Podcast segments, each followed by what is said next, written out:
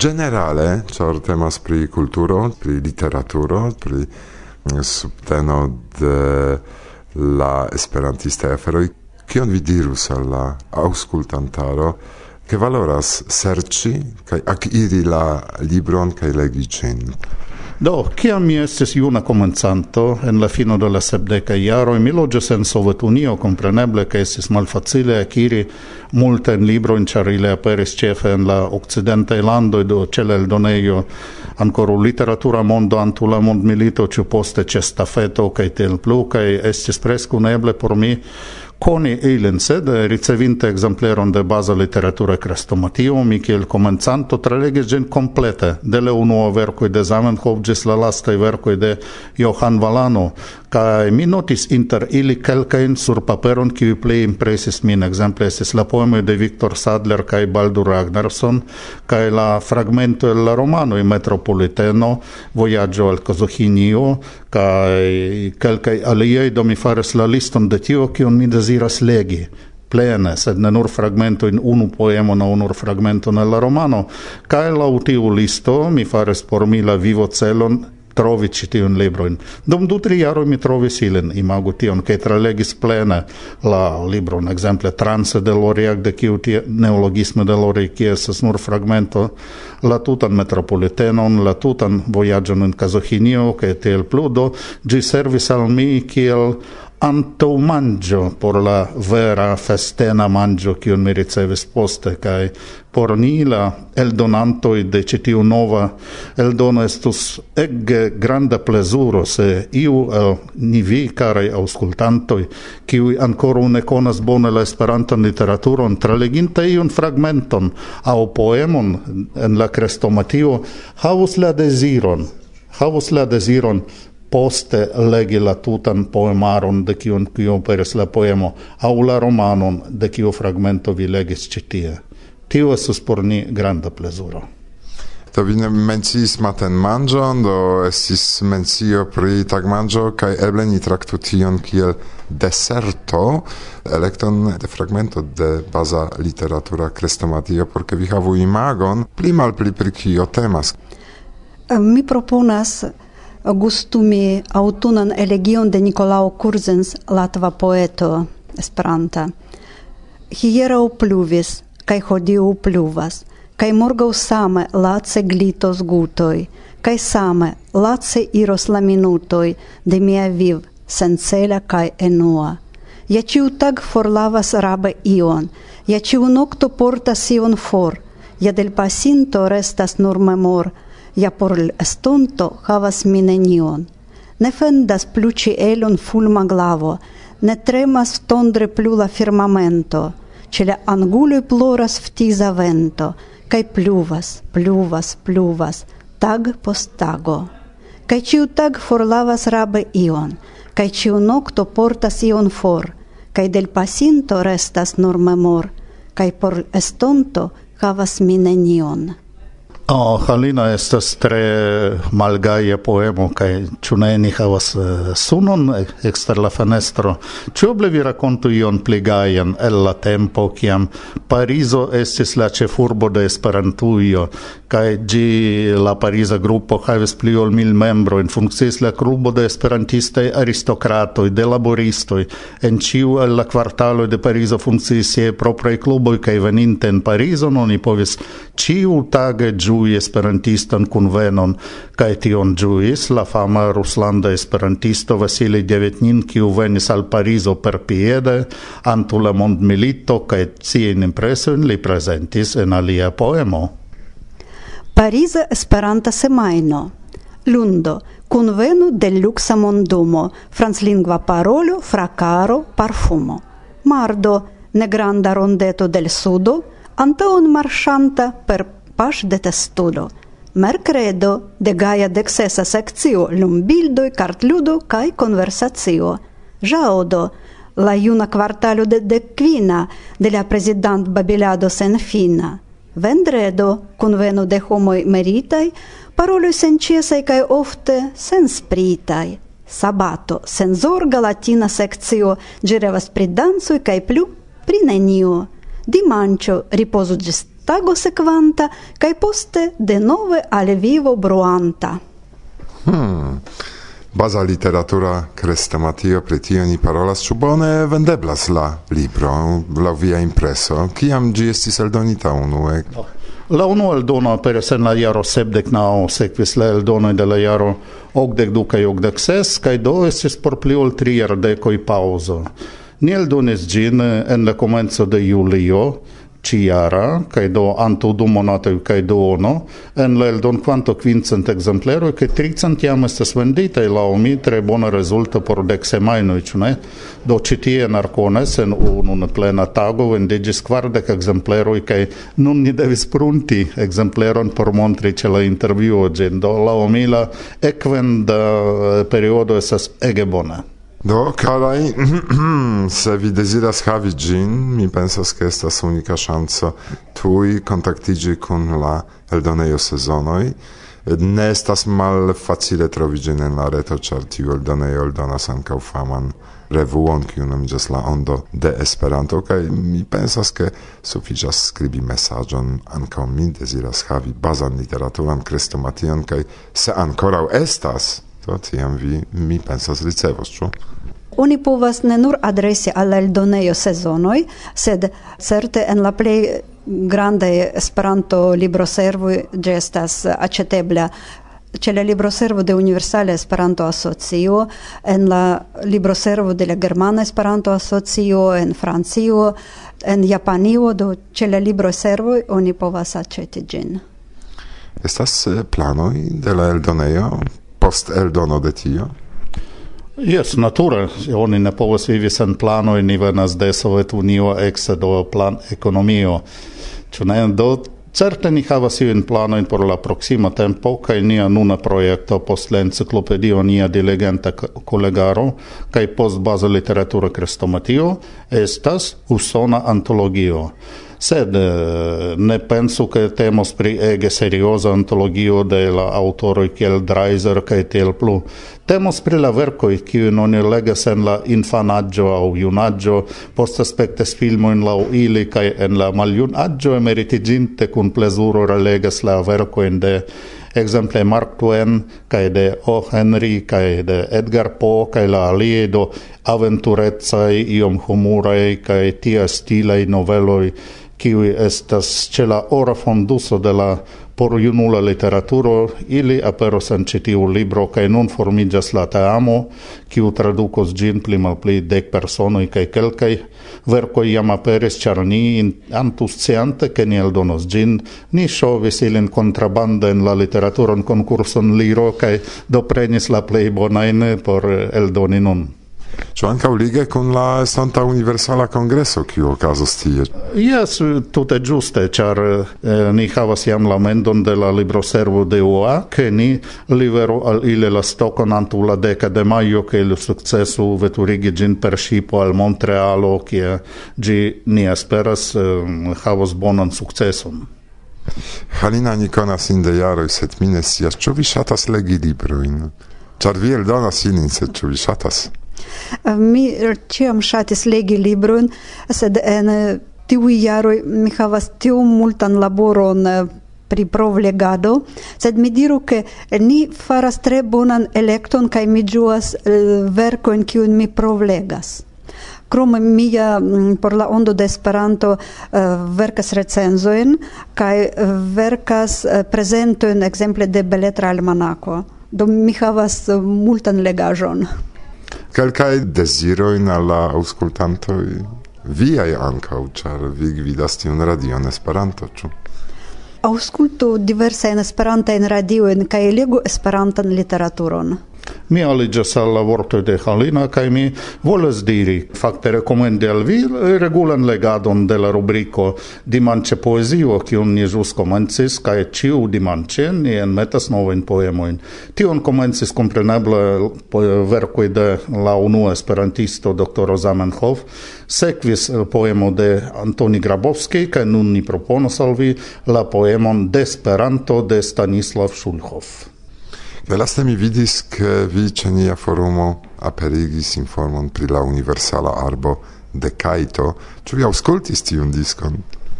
Mi confessas che ne.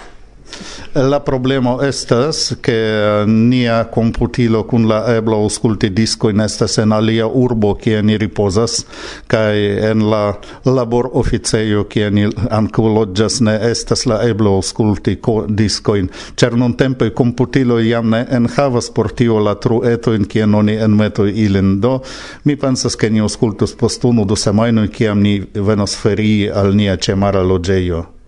Do por niaj geamikoj kaj ankaŭ por vi, karaj aŭskultantoj nuntempe kaj to la universala arbo. Pri baza literatura krestomatio mi Irek parolis kun mia kara amikino Halina? Kaj kara amiko Aleksander Korzenkow kaj aŭskultis nin? Agnieszka. Kaj nun vi aŭskultas Kajton? Saluton! Ni estas Kajto! Nun ni invitas vin. Ausculti canton de nia nova coda la universala arbo. bon venon. Varsovia vento. Bla. Bla. Bla.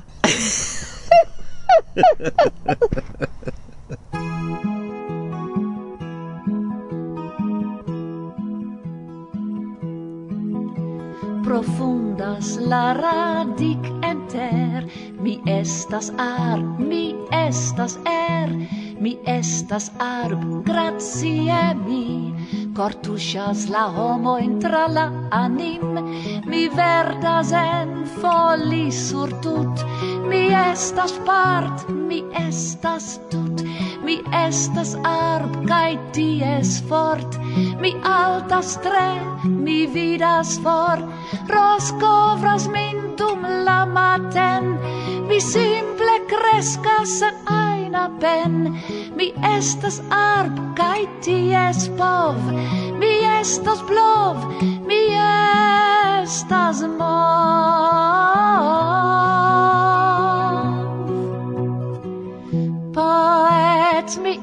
estas kai la poem.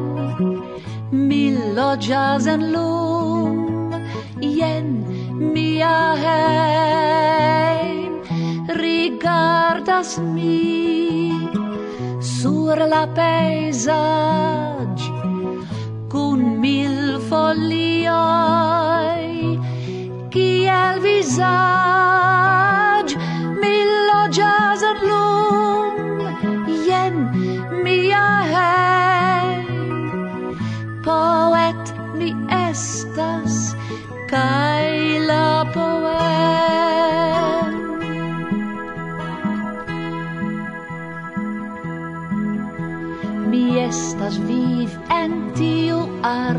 Mi estas lum, cae la rigard, folioi lumas en mia rond, mi brilas sur la tuta mond, videblas mi de cie ein, mi vidas vin, vi vidas min, mi estas flam de ena cresc, mi lumas de profunda est, ancrumis en la terra dic, forflugis sem jen la efik. Mi estas arb cum brila bel. Mi estas arb mi estas bel.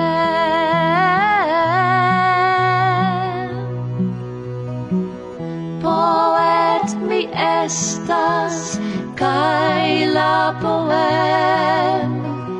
Mi loĝas en lum jen mia hein rigardas mi sur la paesage cun mil folioi kiel visage? Mi loggia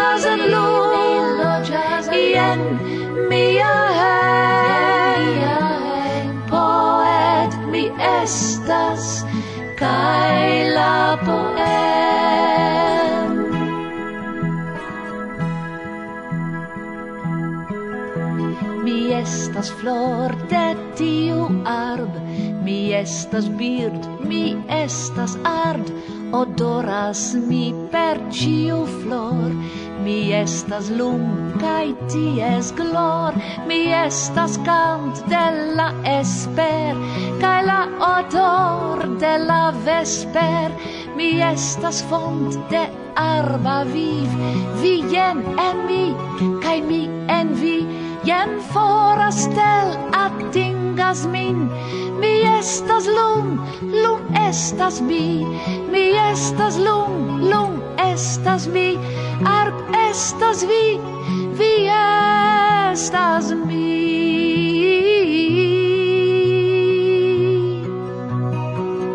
Poet mi estas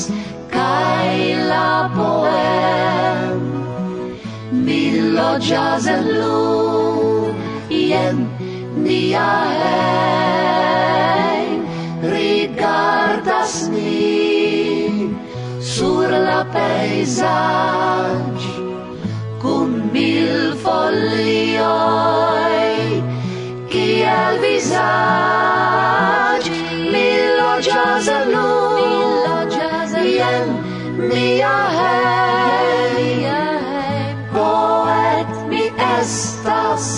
该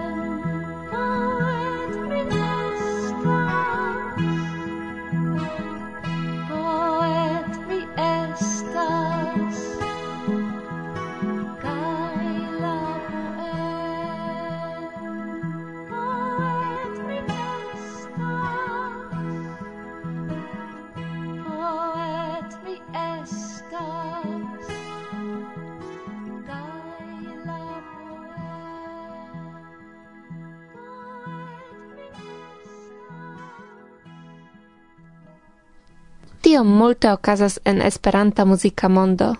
Novaj kantoj de Kaito, nova stelulino Kiara, ĉu sufiĉas muzikaj novaĵoj al vi? Eble ĉifoje ni aŭskultu ion jam konatan, sed en profesia, studie registrita formo. Jen finfine aperis Nenifar, la disco de Guillaume kun kantoj kiun multaj el vi aŭdis jam en Varsovia vento, aŭ dum koncertoj de Guillaume. En la nova disco vi trovos cantoin kiujn Guillaume aperigis konsekvente sur lia interretpaĝo dum kelkaj jaroj. Jen la konataj Amo kaj Asfalto, Riliberas, Nereĝoige Blulo kaj multaj aliaj. Se vi jam bone konas melodioin, turnu vian atenton al tekstoj. Senĉese mirigas min kiel efike Guillaume uzas eksterordinaran vortkreemon de Esperanto – por prescribi malfacila sentojn en siei cantoi, au simple por ludi. Giom creas la textoin kai muzikon mem. Lia voĉo ec de la comenzo gis la fino de disco. Se tia voce unuigas cun komplikaj textoi, auscultado de Nenifar demandas multe da atento kai emocia peno. La sekvo de kelkaj tre fortaj kantoj, sen trankviliĝo povas esti malfacila al auskultantoj, kiuj ankoraŭ ne konas Guillaume. Malgraŭ tio, mi ege ĝojas, ke la disko de unu el la plej valoraj muzikistoj en Esperantujo laŭ mi, finfine povas aperi ankaŭ sur niaj bretoj. Klaku la ligilon por ekscii pli multe. Dankon. Kasia Ho.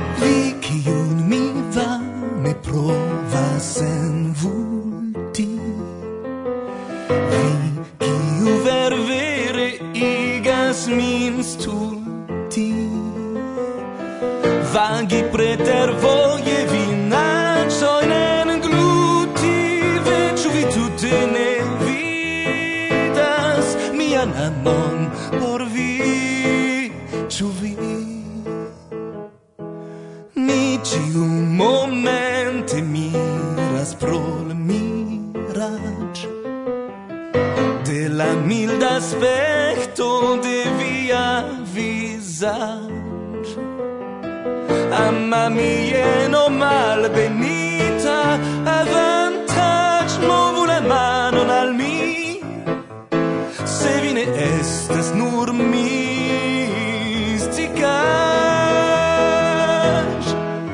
Mi besonas gaini vi ein rigardoi. Attentu che ili de mi ne deviu. Mi besonas fali en vian fari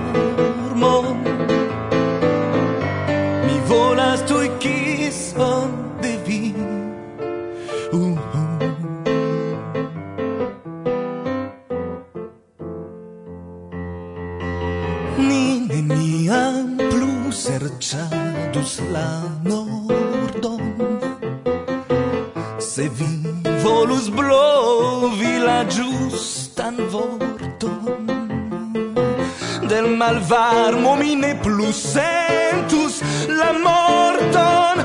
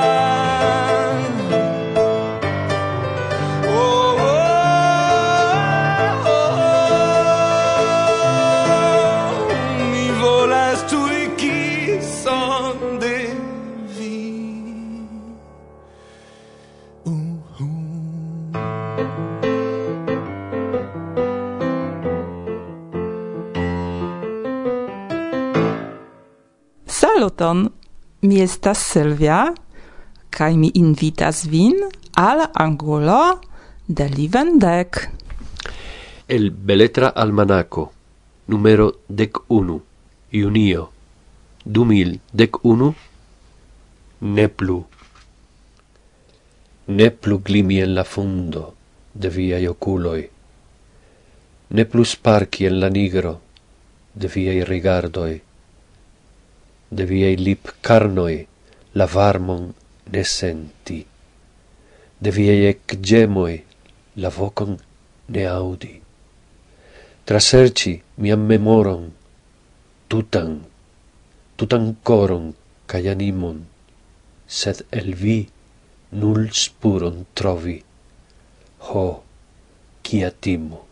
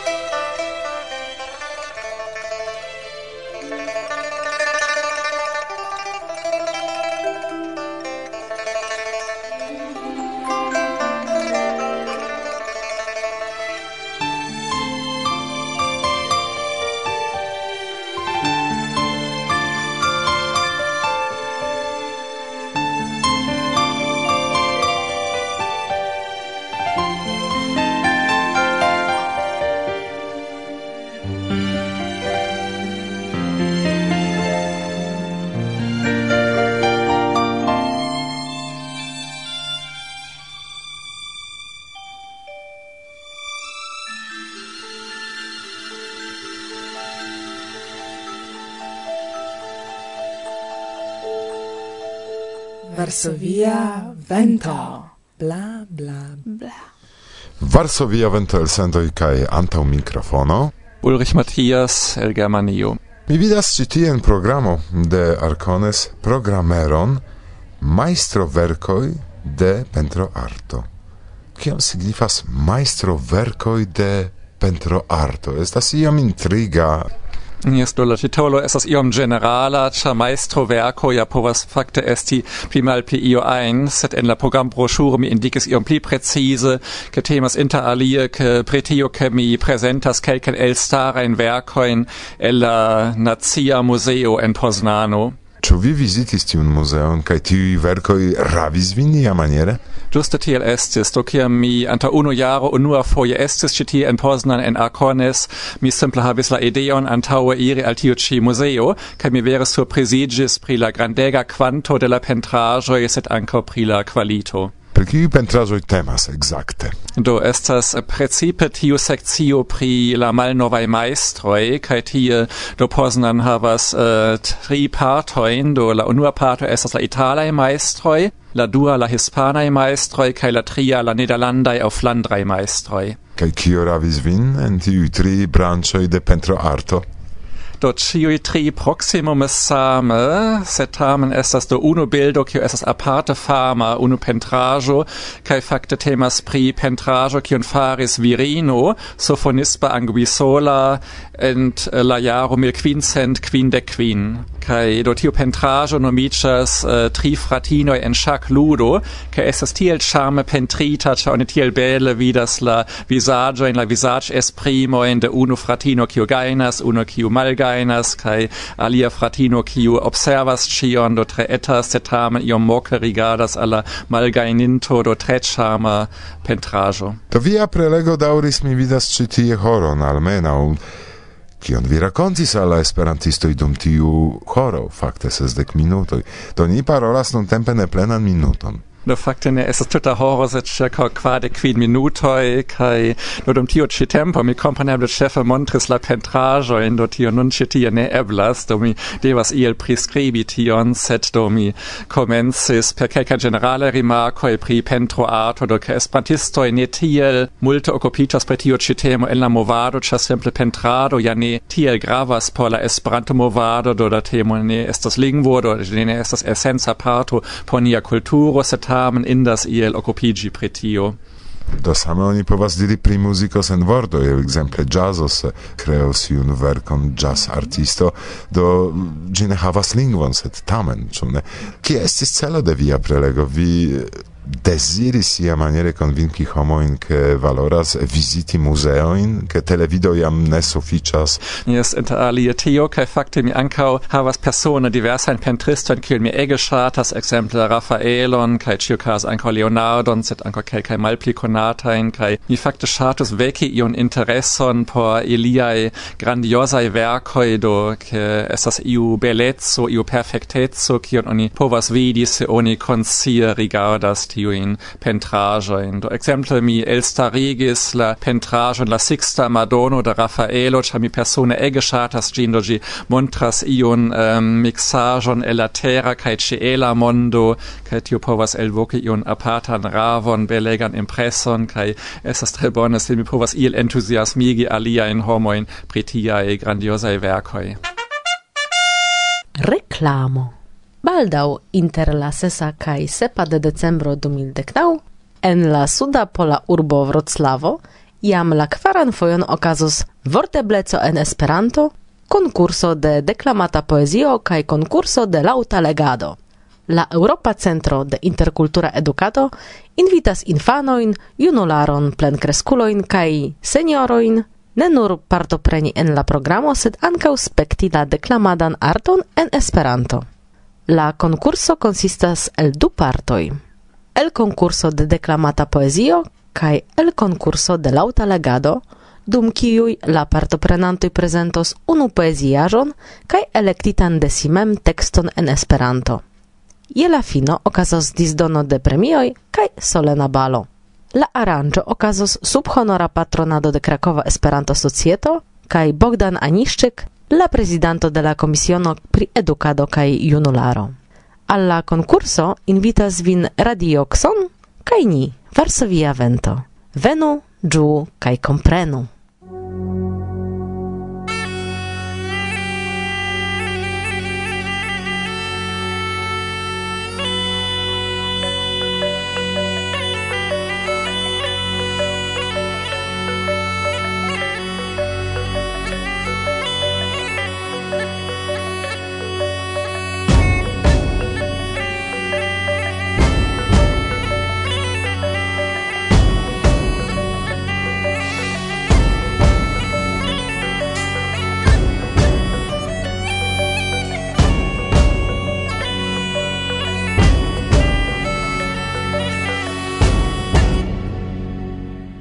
Varsovia vento. Bla, bla, bla. bla.